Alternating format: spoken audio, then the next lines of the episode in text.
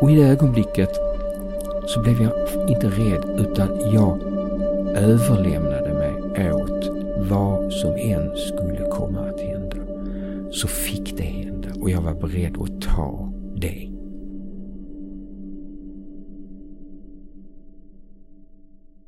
Du lyssnar på Svår att döda med mig Hugo Anderholm och Fabian Sigurd. Andra avsnittet NDU.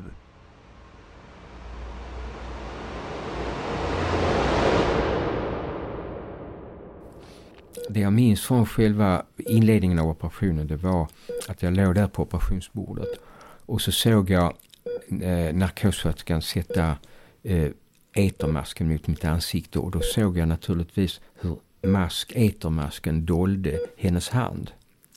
Och så satte hon den på mitt ansikte och så började hon hälla eter på masken. Och så minns jag, det var otäckt, det luktade illa och obehagligt och jag minns att jag skrek och hur mitt skrik ekade i öronen. Nästa sak jag minns är att jag ser etermasken igen men då är det hennes hand som döljer masken. Det vill säga, jag ser den uppifrån, utifrån. Vilket alltså passar ihop med den utav kroppen upplevelse man får under inledningen till nära döden upplevelsen. Och så såg jag eh, hur hon gjorde en gest med sin vänstra hand. Hon höll alltså etermasken i sin vänstra hand. Det, och det vet jag att, eh, som narkosläkare att man håller alltid masken i vänster hand. Och så såg jag hur hon med vänster hand gjorde en gest bortåt eh, åt vänster och så kom, hon tillbaks, kom handen tillbaks igen på mitt ansikte. Och för mig var det en fullständigt meningslös gest som inte betydde någonting alls då på den tiden. Men som narkosläkare vet jag att det här var djupt meningsfullt och eh, eh, distinkt förknippat med eternarkoser. För det är så att när man häller eter på den här masken som består av gasväv så eh, eh, blir den alldeles iskall och då fryser utandningsångorna till is och då kan man inte andas genom den. Så därför har man till vänster om sig ett bord med torra etermasker. Och vad, vad jag såg henne göra utan att förstå vad det innebar var att hon eh, tog den här iskalla masken som hon hade sövt med mig la den på bordet till vänster om sig, tog en ny torr mask och fortsatte söva. Så att i själva verket var den där gesten djupt signifikant och av stor betydelse vid just en eternarkos som jag inte visste någonting om när jag såg det här. I nästa minnesbild så befinner jag mig i en abstrakt värld av ljus. Det finns inga detaljer där egentligen men jag befinner mig intill en väg av ljus. Och eh, den vägen sträcker sig bort mot horisonten. Och där borta vid horisonten där ligger någonting som jag inte egentligen kan beskriva rationellt. Men om jag får använda ett poetiskt bildspråk så skulle jag kunna säga att där borta vid vägens slut fanns inte en stadsmur. Och i den stadsmuren fanns inte en port. Och bakom stadsmuren fanns inte en stad. Och dit skulle inte jag därför att den där porten var stängd och låst. Och det gjorde inte någonting. Därför att framför mig på den här vägen så fanns den här ljusvarelsen som utstrålade en enorm kärlek och visdom och godhet och klarhet. Och jag såg att han kunde se rakt in i mig och se alla, allt jag hade gjort i mitt liv, alla skuggstreck, även de skuggstreck som inte mina föräldrar visste om. Så eh, därför ville jag bevisa min oskuld genom att springa och gömma mig. Men det finns liksom ingenstans att gömma sig i en abstrakt värld av ljus. Och i nästa ögonblick så insåg jag att jag inte behövde springa och gömma mig därför att den utstrålade den här enorma kärleken och godheten och visdomen. Och jag visste att vad han än skulle få syn på inom mig så skulle han fortsätta att älska mig precis lika mycket och han skulle inte klandra mig och inte kritisera mig och inte straffa mig. Så därför stannade jag kvar hos honom. Och så gick han och jag tillsammans genom hela mitt dittillsvarande liv. Och då var det inte som att se det på film eller video utan jag återupplevde allt sammans i realtid. Jag menar en eternarkos under en eh, brockoperation varar i ungefär 20 minuter. Men under de eh, klock 20 minuterna så återupplevde jag stora delar av mitt dittills eh, femåriga liv i realtid. Och återupplevde alla skuggstreck jag hade gjort mot min, min lillebror. Eh, eh, hur jag hade knuffat honom och knyckt hans leksaker och, och, och sådär.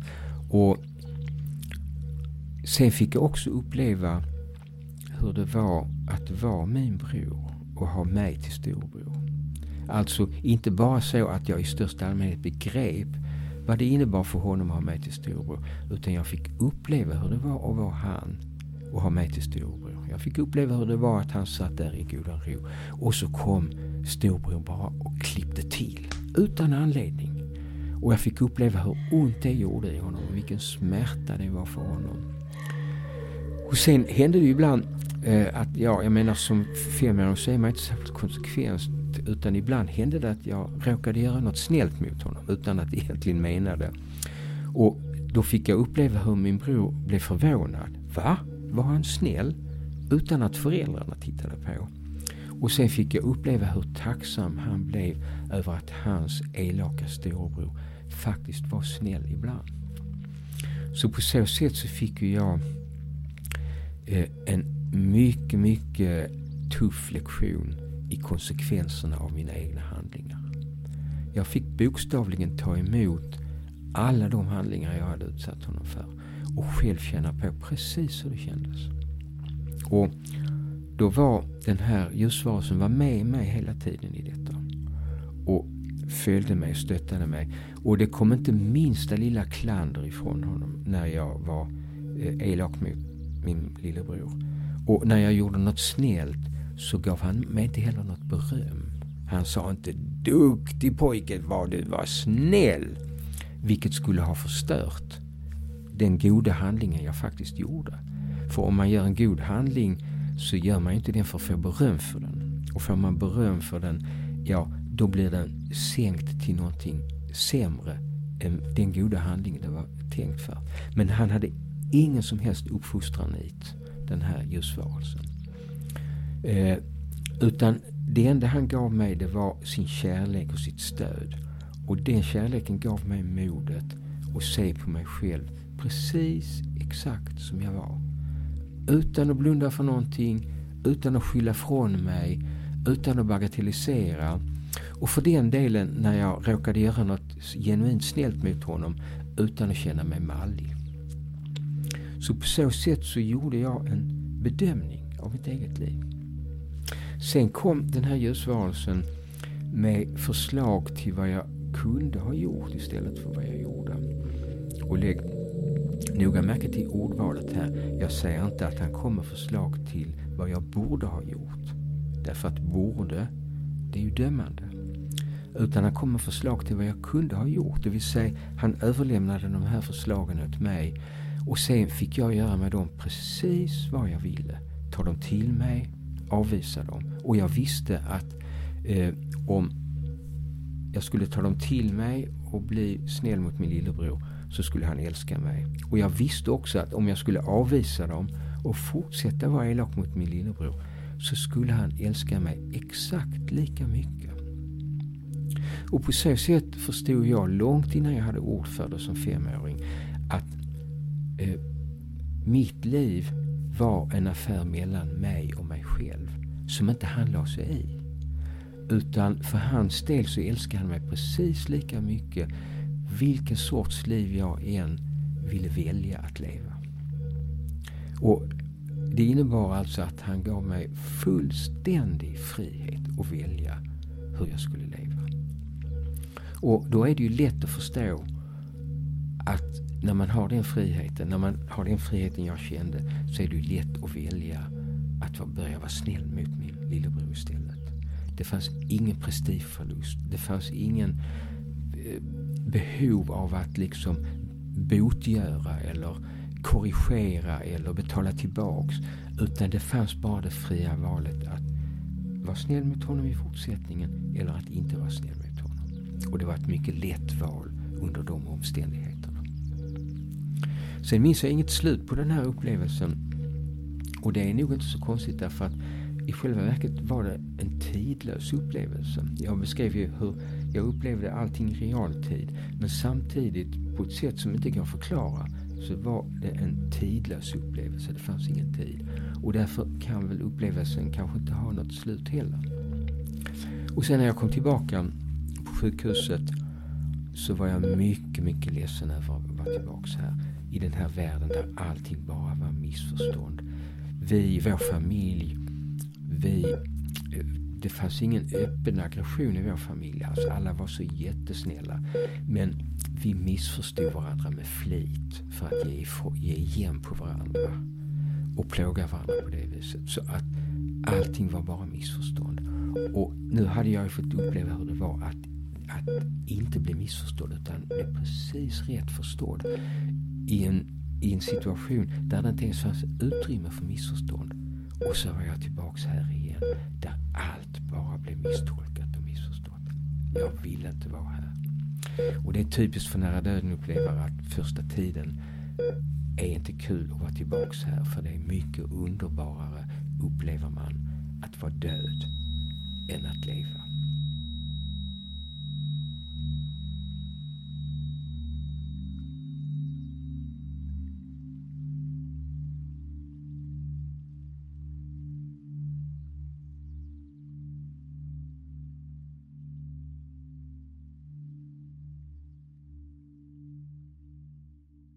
Hur eh, har den här upplevelsen präglat ditt liv?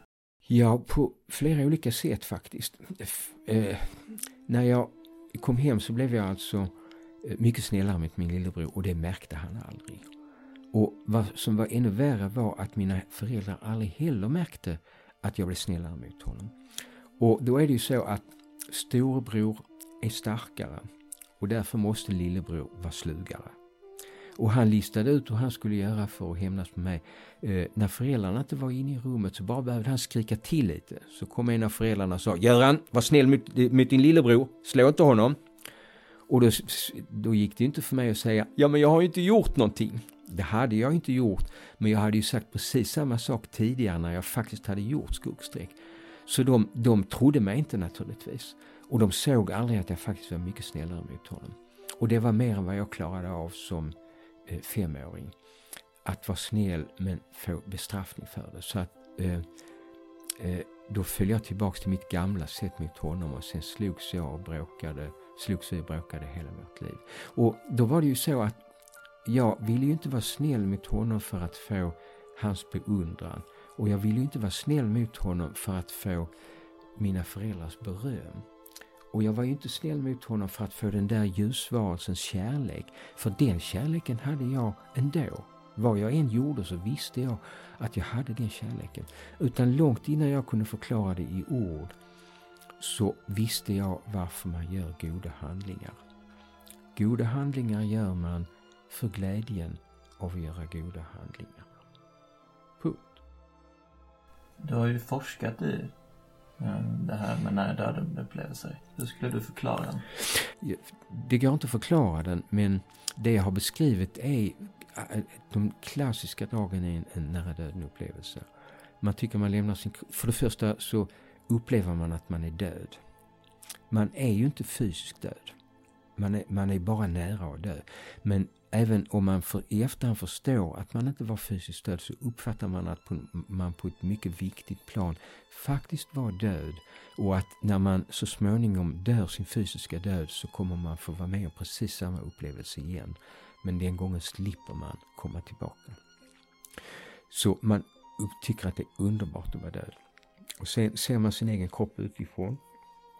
Man störtar genom en tunnel eller ett tomrum. Man kommer till en abstrakt ljusvärld, möter en döda anhöriga. Det är det enda moment som jag inte var med om själv, att möta döda anhöriga. Man möter en ljusvarelse, går igenom sitt liv tillsammans med den ljusvarelsen, granskar sitt eget liv, får besked om att man det är inte dags för en att dö än utan att man måste tillbaks och så kommer man tillbaks. Det är de standardmomenten i en nära döden upplevelse. Många säger att det, att det likväl kan vara en hallucination.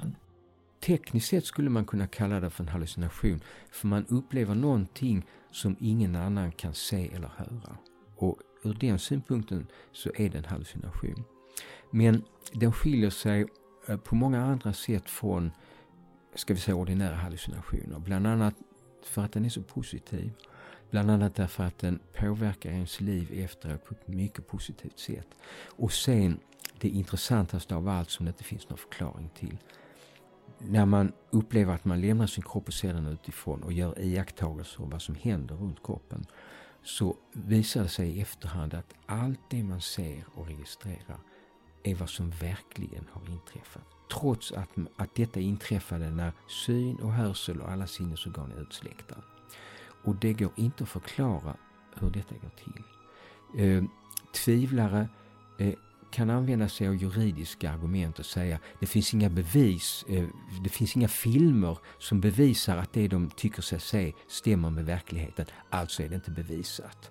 Och det är ju ett juridiskt argument eh, snarare än ett vetenskapligt. Men eh, tittar man på alla de eh, nära döden upplevelsebeskrivningar som finns och jämför med vittnesmål om vad som har hänt eh, vad som verkligen utspelar sig vid den nära döden händelsen så visar det sig att det man upplever att man ser och hör stämmer i stort sett till 100% med vad som verkligen inträffade trots att man inte kan ha sett det. Och det går inte att förklara idag. Vad säger vetenskapen om detta? Ja, de nonchalerar i stort sett den här delen av nära döden-upplevelsen. Man accepterar ju idag att nära döden-upplevelsen finns. När Moody kom med sin första bok så trodde man först att han ljög och sen när man insåg att han inte gjorde det så trodde man att sagesmännen ljög. Och nu inser man att de inte heller ljög för att man, det, det, finns ju så många sådana berättelser. Men det här faktum att man gör korrekta iakttagelser förbigås av de flesta med tystnad och andra kommer med bortförklaringar som inte är hållbara utan som är baserade på deras okunnighet om vad det faktiska innehållet i vad de beskriver. Och min uppfattning är att det går inte att förklara idag. Jag har inte någon egen förklaring. Utan med den kunskap vi har idag om livet och medvetandet och, och så, så går det inte att förklara. Men i alla de här böckerna du läst, har man kommit fram till någonting? Ja, man, man har ju kartlagt själva upplevelsen rent fenomenologiskt. Man vet hur upplevelsen ter sig. Ett tiotal moment som ständigt återkommer. Man vet de psykologiska eftereffekterna. Man slutar vara rädd för döden. Man slutar, man släpper mycket av sina gamla värderingar och karriär och letar efter ett liv som är mer meningsfullt än att tjäna pengar eller bli berömd eller sådär. Och när man dör så gör man det utan att vara rädd för döden. Det är mycket väl kartlagt nu, alla de olika reaktionerna som finns där. Men när det gäller förklaringar så de bortförklaringar som finns de kommer ju ofta från människor som inte har ägnat sig åt att forska i det här och som inte är särskilt kunniga om detaljerna. Och därför så, så eh, håller inte deras bortförklaringar. Eh, och de som har försökt förklara det här liksom på ett positivt sätt. De, jag har läst en förklaring nu om att upplevelsen sker i, i hjärnbarken har ju sex lager tror jag. Och då har de kommit fram till tolkningen att upplevelsen sker i femte lagret uppifrån. Men de förklarar inte varför. Och det, det ter sig för mig helt meningslöst. Jaha, femte lagret, jaha. Ja, de, de redovisar inte hur de har kommit fram till det heller. De bara förklarar att, att det, är, det är så de ser det. Så att de förklaringar, ingen enda av de förklaringar som jag har läst är, kommer ens i närheten av någonting som jag tycker är acceptabelt. Utan det enda jag tycker är acceptabelt det är att säga, som jag redan har sagt, att det finns ingen förklaring idag som med den kunskap vi har idag om medvetandet och om hjärnan så har vi ingen förklaring som är i närheten av att vara hållbar.